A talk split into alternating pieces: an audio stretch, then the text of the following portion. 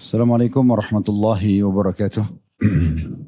Alhamdulillah, selalu saja lisan kita memuji Sang Pencipta Allah atas segala nikmat yang dilimpahkan kepada kita. Dan selalu kami ulangi ini, terutama nikmat Islam dan iman. Di mana dengan Islam dan iman kita mengenal Tuhan kita Allah Subhanahu wa taala dan akhirnya kita punya panduan hidup yang dikenal dengan Islam, kita mengetahui mana yang boleh dan tidak boleh, yang dibolehkan dan dilarang oleh Sang Pencipta Allah dan tentu ini akhirnya membuat adanya hidup yang teratur dan membawa pada kebahagiaan. Baik di dunia dan juga balasan di akhirat nanti yang sempurna di surga sana. Dan ini kita diperintahkan untuk bersyukur atas nikmat ini. Di samping daripada nikmat kesehatan, kekuatan, dan segala macam rezeki yang telah Allah berikan kepada kita. Dan Allah sudah mengatakan, wa in ta'udu ni'matallahi la tuhsuha. Kalau kalian ingin menghitung-hitung nikmat Allah, maka kalian tidak akan pernah mampu untuk itu. Oleh karena itu teman-teman sekalian selalu basahi lidah dan bibir kita dengan kalimat Alhamdulillah. Selanjutnya kita panjatkan salawat dan taslim kepada Nabi besar Muhammad sallallahu alaihi wa ala alihi wa sahbihi wasallam sebagaimana Allah telah perintahkan kita untuk mengucapkan salam hormat tersebut. Seperti biasa di hari Rabu malam biasanya kita membahas tentang dosa-dosa besar. Semoga Allah menyelamatkan kita dari seluruhnya. Dan harusnya pada malam ini kita membahas dosa besar ke 175 tentang masalah menceritakan maksiat. Tapi subhanallah kita kedatangan tamu yang mulia. Mungkin teman-teman yang sering ikuti ceramah kami di YouTube, saya sering mengatakan, saya menanyakan kepada Syekh Ziyad Abadi, Syekh Ziyad, sering saya sebutkan nama beliau, karena sering kali memang kalau ada permasalahan-permasalahan dalam fatwa, atau apa yang butuh dikonsultasikan dengan orang yang lebih pengalaman, maka saya nanyakan kepada beliau dan inilah orangnya sekarang. Kebetulan beliau lagi datang dari Amman dan mengisi acara untuk para duat di Jakarta beberapa waktu lalu. Kemudian beliau juga sempat ke Jogja eh, dan akhirnya sekarang ada di Jakarta dan besok insya Allah beliau akan kembali ke Amman lagi. Beliau adalah seorang profesor di bidang hadis dan beliau lahir di tanggal dan bulan kemerdekaan kita 17 Agustus di 1970 dan beliau uh, berumah tangga dan memiliki tujuh orang anak serta beliau sekarang mengajar uh, fokusnya lebih banyak di Universitas uh, Jordan di Amman dan juga beliau sesekali terbang ke Saudi mengajar di Universitas Tabuk. Dan beliau banyak sekali mengisi pengajian-pengajian yang lain, daurah-daurah atau pesantren kilat. Di antaranya insya Allah hari Sabtu nanti ini beliau akan mengisi uh, daurah di Markas Al-Albani dan perlu teman-teman tahu kalau sudah sering dengar disuhikan hadis oleh Albani itu adalah guru langsung beliau. Dan beliau murid langsungnya juga ya tentunya dari Syekh Albani rahimahullah. Dan beliau insya Allah akan mengisi daurah di markas Al Albani di Amman. Dan ini uh, sudah 15 tahun beliau mengisi di sana. Uh, uh, apa namanya di pengajian atau di daurah di sana untuk para dai-dai dan ini kesempatan emas saya melihat, saya meminta beliau kalau bisa luangkan waktu untuk menyampaikan ceramah di tempat kita, apalagi kita bisa mendengarkan langsung dari para ulama-ulama kita, maka insya Allah malam ini beliau akan sampaikan tema dengan judul Rahasia Hati. فالشيخ حنا فتحنا فليتفضل مشكورا تفضل شيخ الحمد لله رب العالمين والصلاة والسلام على رسولنا الأمين وعلى آله وصحبه أجمعين. وبعد السلام عليكم ورحمة الله وبركاته. وعليكم السلام ورحمة الله وبركاته. يسعدني أن أكون معكم إخواني أخواتي في هذا اللقاء الذي أسأل الله أن يكون فيه الخير والنفع والبركة. وهو على كل شيء قدير. ونتكلم عن أخطر موضوع يتعلق بالإنسان. ألا وهو القلب. هذا القلب الذي إن صلح صلح الجسد جميعا وإن فسد فسد الجسد جميعا كما أخبر عن ذلك رسول الله صلى الله عليه وسلم. Baik, setelah memuji Allah dan juga membacakan salawat kepada Nabi Shallallahu Alaihi Wasallam, Beliau mengatakan beliau sangat gembira bisa hadir di depan kita semua dan beliau memohon kepada Allah yang maha besar dan maha mulia untuk memberkahi tentu pertemuan kita ini. Dan beliau juga mengatakan pada kesempatan ini insya Allah eh, kita akan membahas sebuah tema sesuatu tentang sesuatu di tubuh manusia yang paling berpengaruh Dan itu sudah sangat diketahui yaitu hati manusia di mana kalau dia baik maka pasti akan baik seluruh anggota tubuh manusia tersebut dan kalau dia buruk maka akan buruk tentu semuanya juga. وعنوان محاضرة اليوم آنية الله في الأرض وجاء نص ذلك فيما أخرجه الطبراني عن أبي عنبة الخولاني يقول عليه الصلاة والسلام إن لله تعالى آنية من أهل الأرض وآنية ربكم قلوب عباده الصالحين وأحبها إليه ألينها وأرقها Tema yang akan saya sampaikan pada malam ini karena berhubungan dengan masalah hati, boleh berikan judul Aniyatullahi fil ard. Dan makna aniyah itu sebenarnya wadah. Seperti wadah. Biasanya orang kalau gunakan wadah untuk makan, itu biasa orang Arab mengatakan aniyah. Jadi ini adalah sebuah aniyah Allah di muka bumi. Tentu kita tidak maknakan Allah itu makan, tidak. Tetapi yang dimaksud adalah memang dalam hadis disebutkan sebagaimana hadis diriwayatkan oleh Tabarani dalam Mu'jamul Kabir dari hadis Abi Inbata Al-Khawlani radhiyallahu anhum bahwasanya Nabi SAW bersabda sungguhnya Allah itu memiliki aniyah dari penduduk bumi. Maksudnya ada wadah yang Allah siapkan untuk penduduk bumi dan wadah Tuhan kalian adalah hati hamba-hambanya yang saleh. Dan yang paling Allah cintai dari hati-hati tersebut adalah yang paling lunak dan yang paling mudah untuk menerima kebenaran. العباد الصالحون هم القائمون بما عليهم من حقوق الحق أي الله سبحانه وحقوق الخلق وهؤلاء هم الذين ملأ نور معرفة الله عز وجل قلوبهم لأن القلوب المشغولة بغير الله لا تدخلها المعرفة بجلال الله. انتهى الكلام من شرح فيض القدير للمناوي. وأخرج الطبراني وقبله أحمد في المسند عن أبي موسى الأشعري. يقول عليه الصلاة والسلام إنما سمي القلب من تقلبه إنما مثل القلب مثل ريشة بالفلاة تعلقت في أصل شجرة يقلبها الريح ظهرا لبطن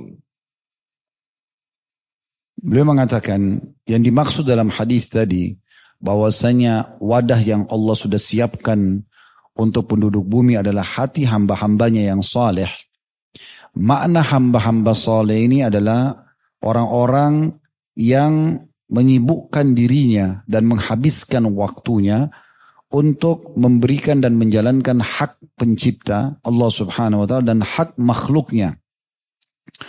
Dan mereka-mereka itulah yang telah terpenuhi hati mereka dengan pengenalan terhadap Tuhannya Azza wa Jal. Karena hati-hati yang sibuk kepada selain Allah tidak akan pernah dimasuki dengan kemuliaan dan keagungan Allah. Dan sampai sini beliau mengatakan selesai perkataan penjelasan Al-Munawi dalam Faidul Qadir syarah di Jami' As-Saghir. Kemudian beliau mengatakan ini juga dikuatkan dengan riwayat Imam Ahmad dari hadis Abu Musa Al-Asy'ari radhiyallahu anhu bahwasanya Nabi SAW mengatakan atau bersabda sesungguhnya hati itu dinamakan hati itu dalam bahasa Arab qalb. Karena memang dia sangat mudah untuk berubah.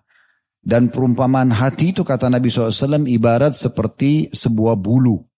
Bulu hewan atau bulu burung yang berada di sebuah padang pasir yang luas. Maka dia pun bergantung di atas sebuah dahan pohon yang angin bisa setiap saat membolak-balikkannya. تفضل شيخ. مما يستفاد من هذا الحديث أنه يجب الحذر من تقلب القلب فليس بينه وبين الكلب إلا التفخيم الأمر الثاني معلوم سرعة حركة الريشة فقد استخفتها الريح والأمر الثالث فمن أطاع من يغويه يقال استخفه ويكون ذلك عند الجهل وعند عدم العلم. قال الله عز وجل فاصبر إن وعد الله حق ولا يستخفنك الذين لا يوقنون. Beliau mengatakan dari hadis tadi yang kita baru bacakan tentang masalah Allah itu memiliki wadah di muka bumi dan wadah Tuhan kalian adalah hati hamba-hambanya yang saleh dan yang paling Allah cinta adalah yang paling lunak, yang paling mudah menerima kebenaran. Yang pertama adalah wajibnya setiap jiwa berhati-hati sekali dari berbolak-baliknya hati. Karena perbedaan kalau dalam bahasa Arab antara tulisan al-qalb yang pakai qaf yang berarti hati dengan al-kalbu pakai kaf yang berarti anjing itu hanya perbedaan tipis sehingga setiap orang harus berhati-hati. Kemudian yang kedua juga dimaklumi sekali tentang masalah bagaimana kalau bulu itu dari hadis ini digambarkan hati itu seperti bulu burung yang bisa mudah sekali karena ringan dibawa oleh angin. Maka perlu diketahui bahwasanya hati itu berarti seperti itu gambarannya. Sangat mudah sekali untuk berubah setiap saat. Sehingga setiap orang harus menjaganya. Dan yang ketiga yang bisa diambil pelajaran adalah siapa yang mentaati siapa pun yang mengajaknya pada keburukan maka pasti dia akan dihinakan. Dan Allah subhanahu wa ta'ala sudah mengingatkan dalam surah Ar-Rum ayat 60, Fasbir inna wa'adallahi haq. Bersabarlah hai Muhammad karena semua janji Allah itu benar. Wala yastakhifannaka alladina la yukinun. Dan jangan sampai kamu itu dihinakan karena sudah dikuasai oleh orang-orang yang tidak meyakininya. نعم في هذا الحديث رد على بعض الفرق الباطلة حينما يقولون إن الطريق لا ينال بتعليم بل هو تطهير النفس من الصفات المذمومة أو تصفيتها أو انتظار الفتح من الله بعد ذلك وانتظار الفتح بعد ذلك من الله. فالقلب إن لم يكن محضا بالعلم ترد عليه وساوس وخواطر تشوشه. فيتقلب ويتشبث بخيالات فاسدة فيقضي عمره يتعبد ربا لا يعرفه ويتعبده بغير ما شرع فأنى له الفلاح والنجاح انتهى من كلام الإمام المناوي في فيض القدير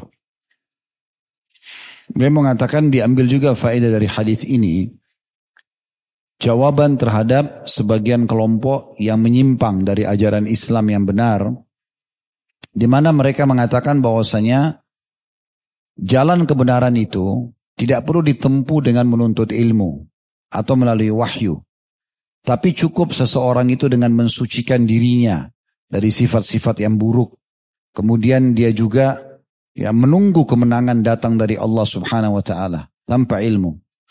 Maka hati itu dan ini beliau menukil dari masih perkataan Al-Munawi dalam Faidul Qadirnya, hati itu kalau tidak dikemas dan dipenuhi dengan ilmu yang benar, maka pasti akan dipenuhi dengan gangguan-gangguan, bisikan-bisikan buruk yang membuatnya menyimpang dan akhirnya menjadi rusak dan membuat pemilik hati tersebut menghabiskan umurnya menyembah Tuhan yang dia tidak kenal karena tidak memiliki ilmu. Dan juga dia menyembah Tuhannya dengan sesuatu yang tidak disyariatkan oleh Tuhan tersebut. Maka dari mana dia bisa mendapatkan kemenangan dan juga ya keberhasilan.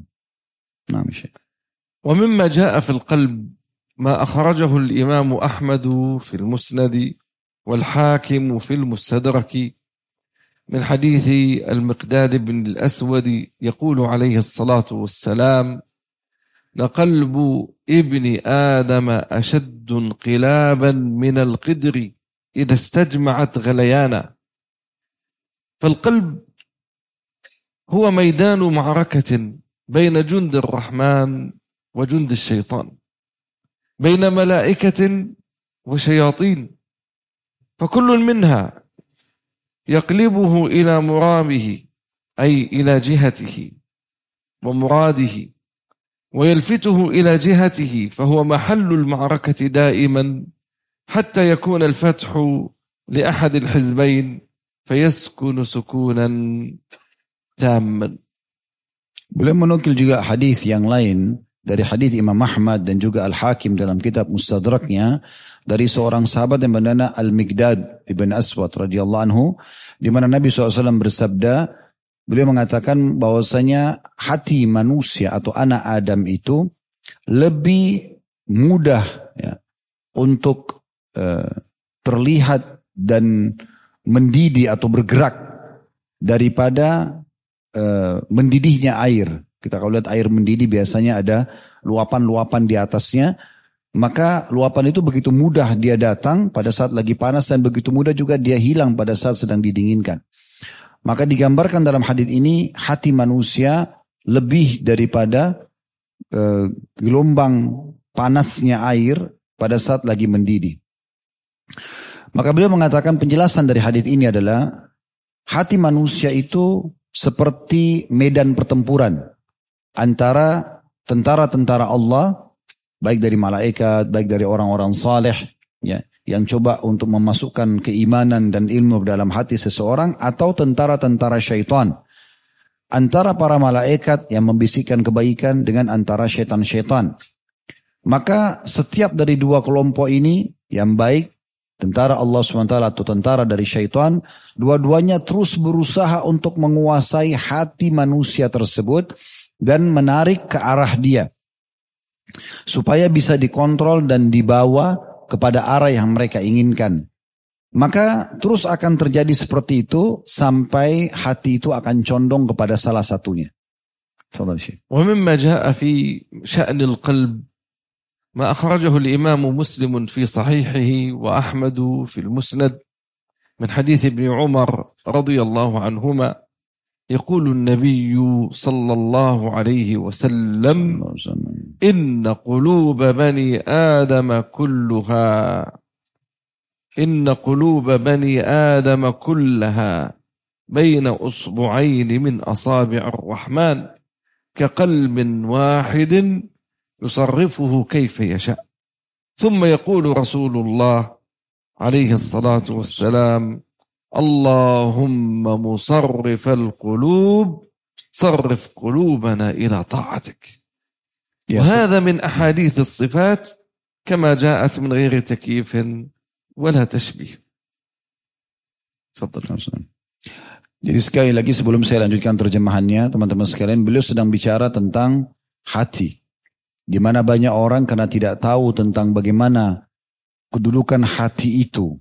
Dia yang menjadi raja di tubuh seseorang dan bagaimana dia adalah medan pertempuran dan perebutan dari kelompok-kelompok kebaikan, dari hamba-hamba Allah yang baik, dari malaikat, dan juga orang-orang soleh memasukkan ilmu dan iman dalamnya sehingga pemilik hati tersebut bisa terbawa ke jalan Allah dan juga syaitan dengan seluruh segala macam jurus dan juga pengikutnya untuk menyesatkannya maka kita harus memahami kalau ini harus dijaga.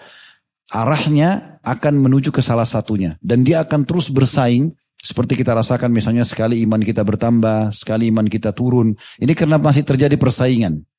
Ada satu titik nanti di mana kalau orang itu fokus untuk terus menerima kebenaran-kebenaran, bisikan-bisikan baik dari para malaikat, maka dia nanti akan kalau dia terus condong dengan begitu setiap hari dia kontrol dirinya agar selalu mengikuti bisikan-bisikan positif dari ilmu-ilmu agama yang benar, panduan syariat yang benar sampai nanti dia merasa tentram dan sampai mati dia akan pertahankan.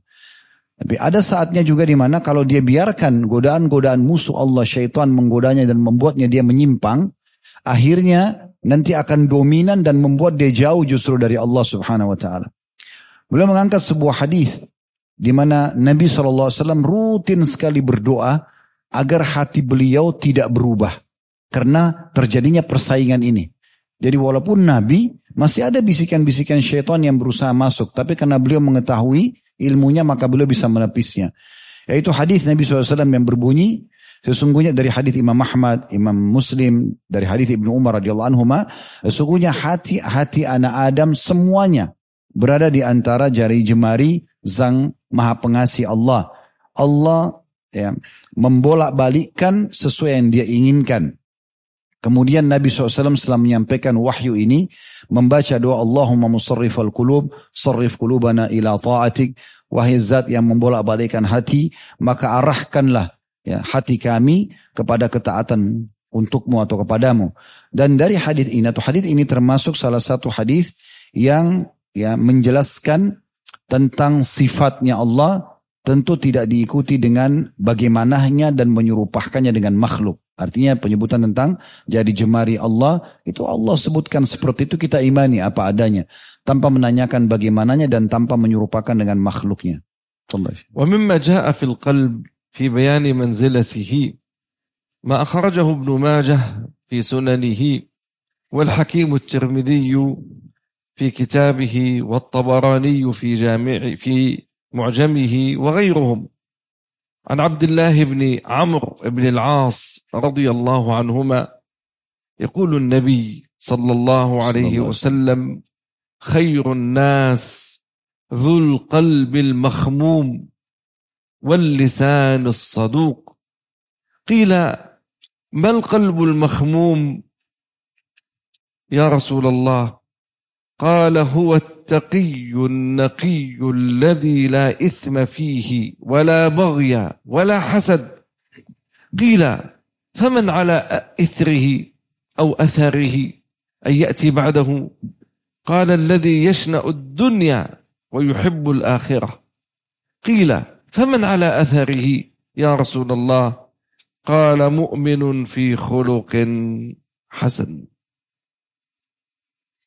Beliau mengangkat juga hadis yang diriwayatkan Ibnu Majah dalam sunannya, Al-Hakim dalam Mustadraknya, At-Tabarani juga dalam Mu'jamnya dan beberapa peraih-peraih hadis dari hadis Ibnu Amr, Abdullah bin Amr radhiyallahu anhu di mana Nabi SAW bersabda, sesungguhnya manusia yang paling baik hatinya dan juga adalah yang memiliki hati ya makhmum nanti diterjemahkan makhmumnya dan juga lisan yang selalu jujur. Para sahabat bertanya ya Rasulullah, apa itu hati yang makhmum? Maka beliau mengatakan hati yang dipenuhi dengan ketakwaan dan bersih sama sekali dari semua jenis dosa. Pelanggaran, pembangkangan, dan juga iri dan dengki. Lalu para sahabat bertanya ya Rasulullah, lalu apa setelah tingkatan itu? Maka para maka Nabi SAW mengatakan, adalah orang-orang yang meninggalkan ya maksudnya bukan meninggalkan ya tapi ya mendahulukan mencintai akhirat daripada dunia. Lalu para sahabat bertanya lagi ya Rasulullah, apalagi setelah itu levelnya? Maka kata Nabi SAW orang mukmin yang memiliki akhlak yang baik. Jadi maksudnya dari hadis ini di mana Nabi SAW atau beliau sebenarnya lebih menyampaikan lebih dalam lagi bagaimana kita memahami rahasia hati itu. Bahwasanya hati itu ternyata adalah makin suci dari dosa, makin diikuti dengan jujurnya lisan, benci hilang bersih dari penyakit-penyakit hati, maka itu level terbaik. Itulah hati nanti akan terarahkan ke jalan Allah Subhanahu wa taala. Sementara ada juga orang yang level di bawahnya yaitu dia yang lebih mendahulukan akhirat dari dunia. Kemudian juga ada orang yang default di bawahnya lagi adalah memenuhi dengan akhlak yang mulia. Dan ini yang dimaksud dengan hati-hati yang bersih. تفضل شيخ. فكيف يلين القلب؟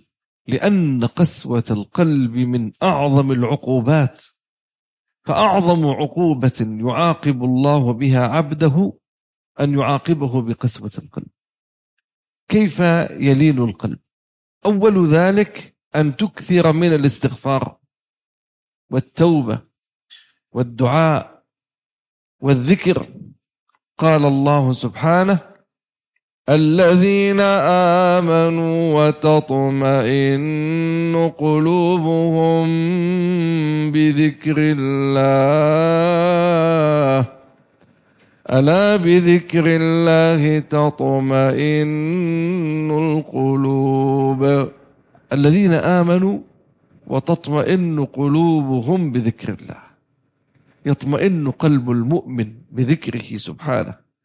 وأخرج مسلم في صحيحه عن الأغر المزني يقول عليه الصلاة والسلام إنه ليغان على قلبي أي أسهو في بعض الفترات. وإني لأستغفر الله في اليوم mi'ata marrah. Beliau sekarang masuk ke sebuah subjudul yang ingin lebih dalam lagi dibahas. Bagaimana caranya agar hati-hati kita ini bisa lunak. Sebagaimana kembali ke hadis pertama tadi bahasan. Kalau Allah itu memiliki wadah di muka bumi dan wadahnya adalah hati hamba-hambanya yang soleh dan yang paling Allah cinta adalah yang paling lunak. Bagaimana bisa lunak dan mudah untuk menerima? Kebenaran-kebenaran tersebut sehingga akhirnya kita lebih gampang menerima perintah Allah, meninggalkan larangan. Dan kita orang yang paling di depan dalam mengerjakan ketaatan, meninggalkan kemaksiatan. Maka beliau mengatakan yang paling pertama adalah memperbanyak istighfar dan taubat. Doa Ya. Ini adalah nomor satu. Di mana orang selalu saja memohon maaf dengan Tuhannya, selalu saja kembali kepada Tuhannya, selalu saja bermunajat dan berdoa. Sebagaimana Allah subhanahu wa ta'ala sebutkan dalam surah Ar-Ra'd, surah nomor 13 ayat 28. Tadi ayat yang beliau baca, Alladzina amanu wa tatma'innu kulubum bidhikrillah ala bidhikrillah tatma'innul kulub. Orang-orang yang beriman itu hati-hati mereka selalu tenang. Tenang dengan apa? Dengan zikir kepada Allah. Dan bukankah dengan zikir Allah hati itu akan tenang? Ayat ini dikuatkan dengan sebuah hadis yang diriwayatkan oleh Imam Muslim dari Al-Aqar Al-Muzani. Radhiyallahu anhu beliau mengatakan bahwasanya Rasulullah SAW bersabda, sesungguhnya terkadang hatiku lalai dari zikir kepada Allah, maka aku mengisinya dengan istighfar dalam sehari sampai seratus kali. Di sini bukan berarti Nabi SAW lalai atau berbuat dosa, tidak. Terkadang mungkin ada kosong, orang diam, atau ada aktivitas duniawi.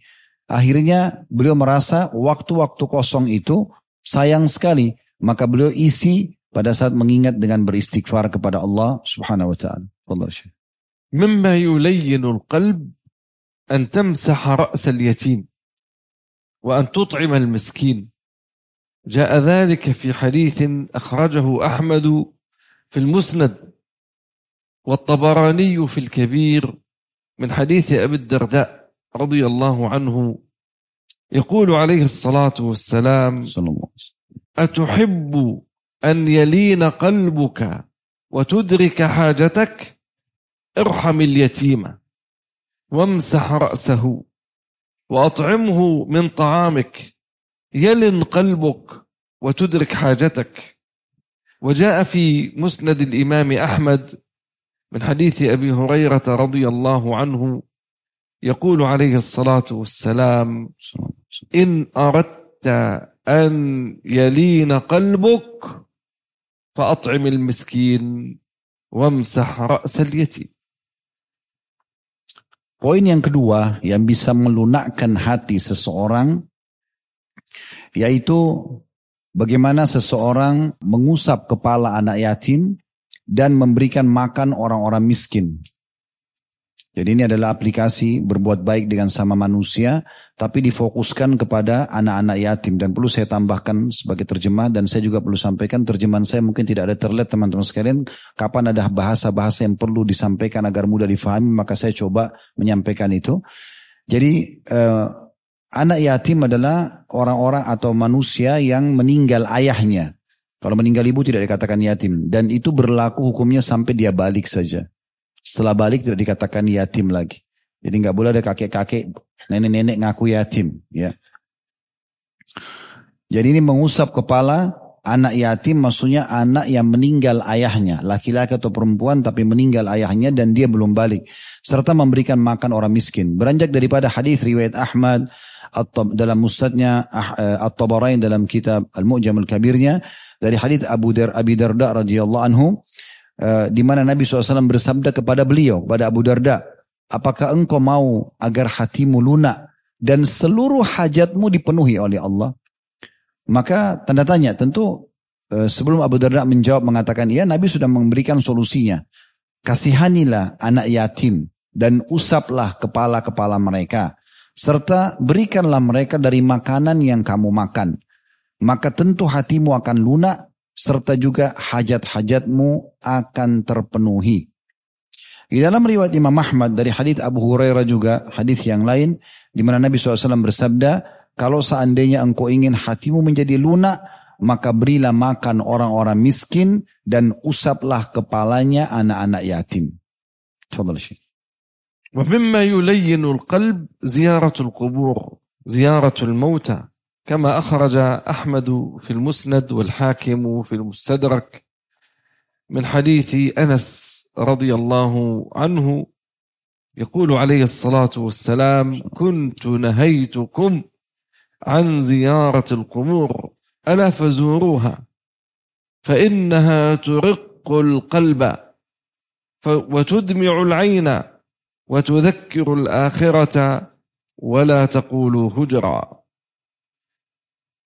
Di antara yang bisa melunakkan hati yang ketiga, kalau tadi kan yang pertama istighfar dan taubat, doa, kemudian yang kedua tadi adalah mengusap kepala anak yatim dan memberi makan orang miskin. Yang ketiga adalah banyak menziarahi kubur. Menziarahi kubur. Ya. Ini saya tambahan dari saya sekarang, kalau ziarah kubur bisa masuk ke dalamnya, kalau orang ziarah misalnya kubur orang tuanya, atau mungkin dari depan pintu pagarnya pun bisa dianggap ziarah kubur. Karena Nabi SAW pernah ziarah baki dengan dari depan pintu kuburan. Dari hadis ya, yang masyhur hadis riwayat Imam Ahmad dan juga Al Hakim dalam kitab Mustadrak hadis Anas radhiyallahu anhu Nabi SAW mengatakan dahulu maksudnya di Mekah fase Mekah pernah aku melarang kalian ziarah kubur sekarang setelah fase Madinah sudah mulai banyak kuburan muslimin, maka ziarailah. Apa tujuannya? Karena sungguhnya ziarah kubur bisa melunakkan hati. Ini saksi bahasan kita. Dan juga membuat mata menangis. Serta mengingatkan akhirat. Tapi ingatlah kalau lagi ziarah kubur jangan pernah ucapkan kata-kata yang tidak bermanfaat atau kata-kata kotor. Jadi kalau ke kuburan ucapkan yang baik. Baik untuk si mayit ataupun untuk kita sendiri. Fadal Syekh.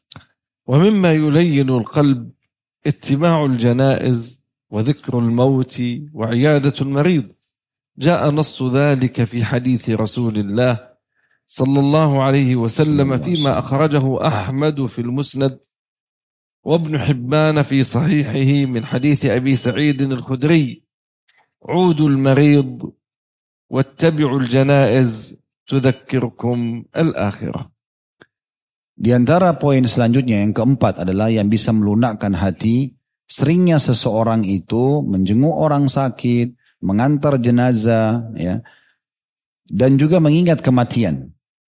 Sesuai dengan hadis yang diriwayatkan Imam Ahmad dalam Mustadnya dan juga Ibnu Hibban dari hadis Abi Sa'id Al-Khudri radhiyallahu anhu, Nabi SAW bersabda, "Udul marid, Ya, jenguklah orang-orang sakit. Tabi'ul janaiz. Antarlah jenazah-jenazah itu. tudzakirukumul akhirah. Karena akan mengingatkan kalian tentang akhirat. Karena pada saat kita lihat orang sakit, kita lagi sehat, kita tahu ini manusia seperti kita. Bisa saja kita sakit seketika seperti dia. Bahkan banyak orang yang sakit kemudian meninggal. Begitu juga dengan kita mengantar jenazah, kita bisa sadar ternyata yang kita antar ini adalah manusia biasa seperti kita, tapi dia sudah mendahului meninggal. Wa mimma yulayyilu qalb أن تستعظم ذنبك. كما في صحيح البخاري من حديث الحارث بن سويد عن عبد الله بن مسعود رضي الله عنه قال إن المؤمن يرى ذنوبه كأنه قاعد تحت جبل أي في أسفل جبل يوشك أن يقع عليه. وإن الفاجر يرى ذنوبه كذباب مر على أنفه فقال به هكذا أي بيده فذبه عنه Di antara yang melunakkan hati, poin kelimanya adalah seseorang membesarkan pelanggaran yang sedang dia lakukan atau dosa. Jadi walaupun itu kecil, tapi dia besarkan dalam dirinya. Karena memang ini disebutkan dalam hadis yang masyhur dari hadis Al Harith bin Suwaid. Beliau mengatakan dari hadis Abdullah bin Mas'ud radhiyallahu anhu tentang dirinya. Beliau mengatakan sesungguhnya atau dari dirinya ya Sesungguhnya orang mukmin itu melihat dosanya seperti dia sedang duduk di bawah sebuah bukit atau gunung yang besar. Yang gunung itu seakan-akan akan menimpahnya. Dan orang yang fajir, ahli maksiat, dia melihat dosanya hanya seperti seekor lalat yang hinggap di hidungnya lalu dia usir seperti ini. Jadi dari hadis ini kita bisa lihat bagaimana seorang mukmin memang memperbesar membesarkan kadar dosa itu supaya dia takut jangan sampai dia mengulanginya atau malah dia dihukum oleh Allah dengan dosa tersebut. ومما يلين القلب أن يستحيي المؤمن من الله حق الحياء كما أخرج أحمد في مسنده والترمذي في جامعه والحاكم في مستدركه عن ابن مسعود قال عليه الصلاة والسلام استحيوا من الله حق الحياء. من استحيا من الله حق الحياء فليحفظ الرأس وما وعى وليحفظ البطن وما حوى وليذكر الموت والبلى ومن أراد الآخرة ترك زينة الحياة الدنيا فمن فعل ذلك فقد استحيا من الله حق الحياء. Langkah yang keenam untuk melunakkan hati adalah melahirkan rasa malu kepada Allah. Malu yang sebenar-benarnya. Sebagaimana hadis yang diriwayatkan Ahmad, Tirmidzi, Al-Hakim. Dari hadis Ibnu Mas'ud radhiyallahu anhu. Nabi SAW mengatakan, malulah kalian dengan malu yang sebenarnya kepada Allah. Siapa yang malu kepada Allah dengan sebenar-benarnya, maka prakteknya Ya, untuk dia dia malu kepada Allah adalah dia selalu menjaga apa yang ada di kepala dan yang di sekitar kepala, maksudnya wajahnya. Dan menjaga apa yang ada di perutnya dan sekitar perutnya, maksudnya bagian dada dan juga kemaluannya. Dan dia harus banyak mengingat kematian.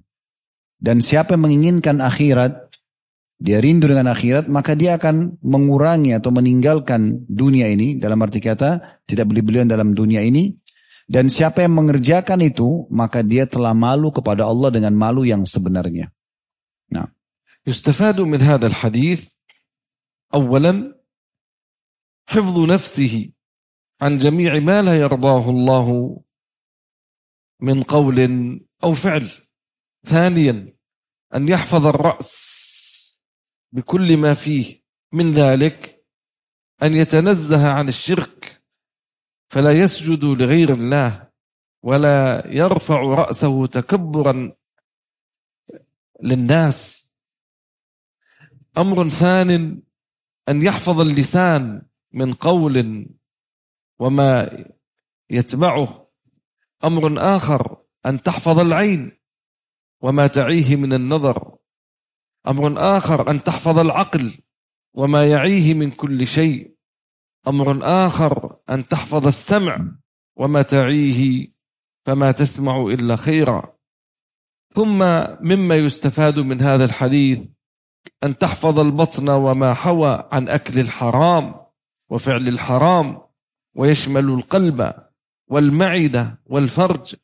وأخيرا مما يستفاد من هذا الحديث أن تذكر الموت وما يؤول إليه الإنسان بعد موته بعد ذلك فستهمه آخرته Di poin yang keenam tentang masalah tadi bagaimana melunakkan hati setelah menyebutkan hadis Nabi SAW bahwasanya malulah kalian kepada Allah dengan malu yang sebenar-benarnya dan siapa yang mau menunjukkan kalau dia malu kepada Allah dengan sebenar-benarnya yaitu dengan cara menjaga kepalanya dan apa yang di sekitar kepala, perut dengan apa yang di sekitar perut dan dia memperbanyak mengingat kematian dan siapa yang menginginkan dunia, siapa yang menginginkan akhirat, maka dia akan mengurangi dari urusan dunianya. Siapa yang mengerjakan maka dia telah malu kepada Allah dengan malu yang sebenarnya. Dari hadis ini diambil faedah cukup banyak di antaranya beliau mengatakan adalah yang pertama harusnya setiap orang menjaga dirinya sendiri dari apa pun yang Allah sebagai Tuhan kita tidak ridhoi. Baik dari perbuatan ataupun perkataan. Ini yang pertama diambil dari hadis. Yang kedua, setiap mukmin muslim harus menjaga kepalanya dan apa pun yang ada di sekitar kepala. Di antaranya adalah pola fikir di mana dia berusaha untuk menjauhkan fikirannya dari perbuatan syirik kepada Allah Subhanahu wa taala. Dia tidak gunakan kepalanya untuk sujud kepada selain Allah. Juga dia tidak gunakan kepala ini untuk sombong di hadapan manusia dengan menganggap remeh orang. Juga masuk dalam masalah ini, masih faedah yang kedua tentang masalah menjaga kepala dan sekitarnya adalah menjaga lisannya, karena ini masih bagian dari kepala, dan apa pun yang berhubungan dengan ucapan yang terucapkan lisan tersebut. Masuk dalam poin ini juga menjaga penglihatan mata dari pandangan-pandangan yang tidak dibolehkan. Masuk dalam poin ini menjaga akal sehingga dia hanya berpikir hal-hal yang baik, menjaga pendengaran dan apa pun yang akan didengar nantinya hanya pada hal-hal yang dibolehkan saja. Ini faedah yang kedua. Faedah yang ketiga dari hadis adalah Potongan hadis tentang dianjurkannya menjaga perut dan yang di sekitarnya. Maka di poin ini adalah seorang muslim harusnya memperhatikan makanan, menjaga diri dari makanan haram, perbuatan haram, dan masuk dalamnya adalah menjaga kualitas hatinya, perutnya, dan juga kemaluannya. Tidak diisi kecuali kepada hal-hal yang baik saja. Kemudian juga diambil pelajaran dari hadis yang keempat adalah tentang masalah pentingnya setiap muslim mengingat kematian dan juga apapun yang bisa membuat orang mukmin itu mengingat akhiratnya. تفضل شيخ. نختم ولن نطيل إن شاء الله بمن وصفوا بلين القلوب نسأل الله أن يجعلنا منهم على رأس هؤلاء وفي قمتهم هو سيد البشرية محمد صلى الله عليه, الصلاة والسلام هو الذي وصفه ربه بقوله فبما رحمة من الله لنت لهم. ولو كنت فظا غليظ القلب لانفضوا من حولك. فاعف عنهم واستغفر لهم وشاورهم في الأمر. فإذا عزمت فتوكل على الله إن الله يحب المتوكلين. Beliau mengatakan kita akan tutup insya Allah dengan sub bahasan ini, yaitu pertanyaan siapa orang-orang atau figur-figur yang telah disebutkan oleh Allah memiliki hati-hati yang lembut. Dan beliau mengatakan semoga kita juga insya Allah bisa menjadi salah satunya. Yang pertama adalah pemimpin semua nabi-nabi dan manusia anak Adam Rasulullah Sallallahu Alaihi Wasallam. Ada artinya yang paling layak untuk dicontohi agar bisa hati kita lunak adalah manusia terbaik ini. Di mana Allah menyebutkan dalam surah Al-Imran ayat 59, kalau bukan rahmat dari Allah sehingga engkau bisa berlemah lembut kepada mereka, kalau seandainya hatimu keras, kasar, maka niscaya mereka akan bubar semua dari sisimu. Oleh karena itu maafkanlah mereka. Mohon ampunlah kepada Allah untuk mereka untuk mereka dan ajaklah mereka bermusyawarah. Dan ketahuilah bila engkau sudah bertekad untuk mengerjakan satu perbuatan, maka bertawakallah kepada Allah. Kalau itu perbuatan baik, kerjakan dan serahkan hasilnya kepada Allah. Sesungguhnya Allah menyukai orang-orang yang bertawakal kepadanya. وممن وصف بلين القلب هو أفضل هذه الأمة بعد نبيها عليه الصلاة والسلام إنه أبو بكر الصديق. جاء ذلك في حديث أبي يعلى في مسنده من حديث ابن عمر رضي الله عنهما قال عليه الصلاة والسلام أرأف أمتي بأمتي أبو بكر وأشدهم في دين الله عمر وأصدقهم حياء عثمان. وأقضى وأقضاهم علي وأفرضهم زيد بن ثابت وأقرأهم أبي وأعلمهم بالحلال والحرام معاذ بن جبل ألا وإن لكل أمة أمينا وأمين هذه الأمة أبو عبيدة ابن الجراح.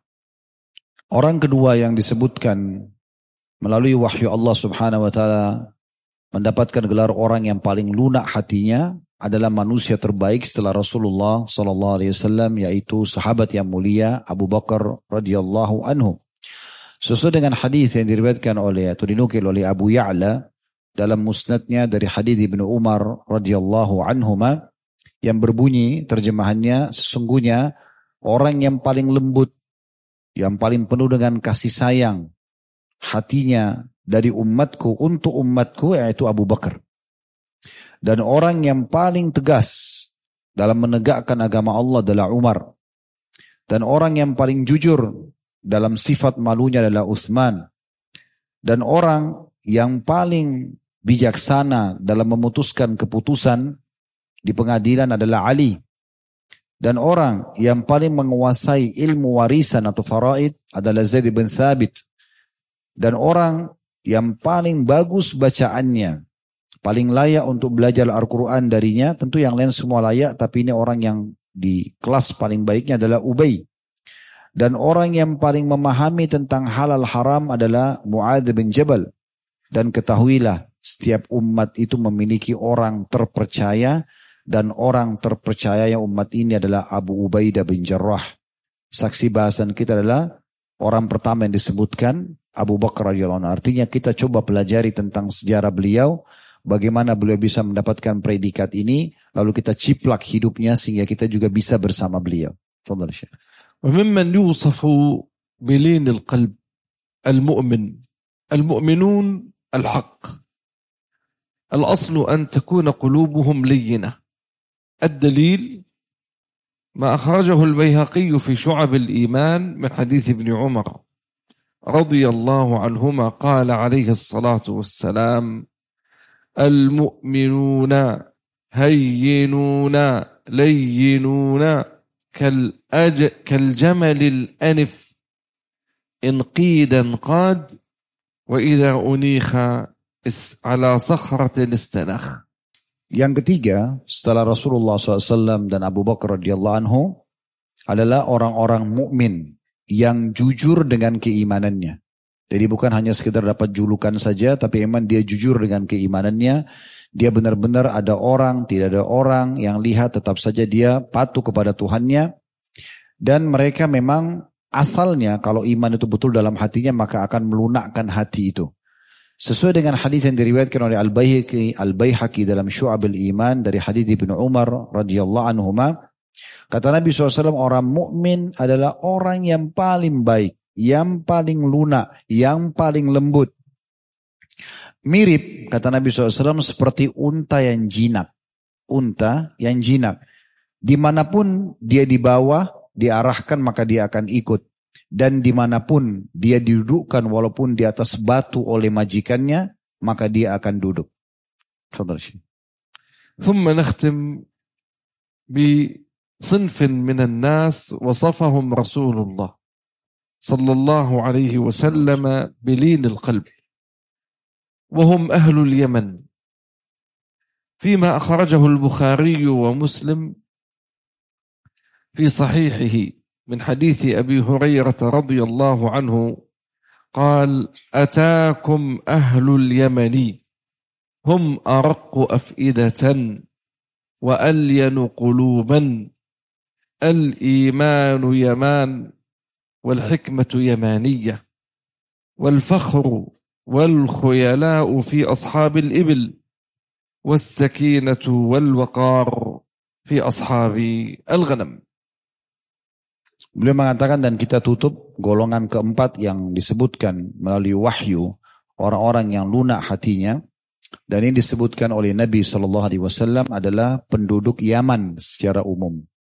Sesuai dengan hadis yang disebutkan oleh Abu Hurairah radhiyallahu anhu di mana Nabi wasallam bersabda telah datang kepada kalian penduduk dari negeri Yaman mereka adalah orang yang paling lembut dan lunak hatinya ketahuilah iman itu dari Yaman dan juga hikmah atau kebijaksanaan dalam mengambil keputusan juga dari negeri Yaman.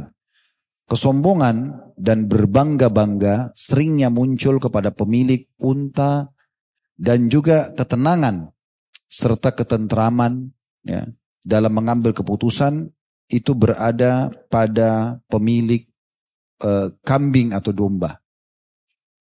خلاص يا شيخ وهكذا نختم حديثنا في مسألة القلب وينبغي للعاقل الواعي كما يعتني بنظافة جسده ويعتني بمظهره أن يعتني بقلبه. فإن القلب هو الأصل وهو الأساس ونظافته هنا تنظف كل شيء فيه.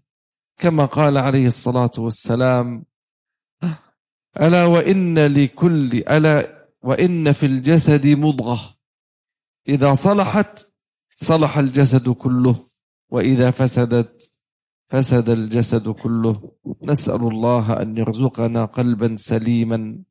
قال الله عز وجل يوم لا ينفع مال ولا بنون إلا من أتى الله بقلب سليم. القلب السليم السالم من كل كفر وشرك وغل وحسد وحقد اللهم ارزقنا قلبا سليما سالما من ذلك كله وجزاكم الله خيرا على حسن الاستماع. وجزى الله الأستاذ الفاضل الأستاذ خالد على تكرمه أن آه، أخذت دوره ومكانه وهذا من لطفه. ونسأل الله أن يوفقه لكل خير وأن يوفق الجميع. لما يحب ويرضى وصلى الله وسلم وبارك على نبينا محمد وعلى آله وصحبه أجمعين Beliau mengatakan kita tutup bahasan kita ini dengan sebuah pesan penting, yaitu bagaimana atau sebagaimana orang itu banyak peduli dengan jasadnya, penampilan jasadnya, pakaian, misalnya penampilan yang kelihatan di mata orang, atau mungkin wangi dan bersihnya tubuhnya, rapinya rambutnya dan semua yang berhubungan dengan jasad ini, maka dia juga harusnya mengikuti dengan perawatan dan juga menjaga hatinya. Karena Nabi SAW sudah mengingatkan kepada kita hadisnya di dalam jasad manusia ada segumpal darah. Kalau dia baik maka baik semuanya. Kalau dia buruk buruk semuanya. Ketua dia adalah hati manusia. Dan beliau mengatakan juga Allah Subhanahu Wa Taala berfirman di dalam Al-Quran pada hari ya, kiamat nanti tidak akan bermanfaat keturunan, harta, ya, kerabat, tidak ada manfaatnya lagi kecuali orang yang datang kepada Allah biqalbin salim atau dengan hati yang bersih. Yang dimaksud dengan hati yang bersih, bersih dari kesyirikan, bersih dari dosa-dosa, bersih juga dari semua penyakit hati di antaranya iri dan dengki. Dan beliau mengatakan jazakumullah khairan kepada teman-teman semua karena sudah ikut mendengar dan juga beliau diberikan kesempatan untuk bisa mengisi di sini. Semoga insya Allah ini menjadi manfaat untuk kita semua. Semua bermanfaat. Subhanakallah bihamdika. Asyadu an la ilaha illa anta astaghfiruka wa atubu ilaik. Wassalamualaikum warahmatullahi wabarakatuh.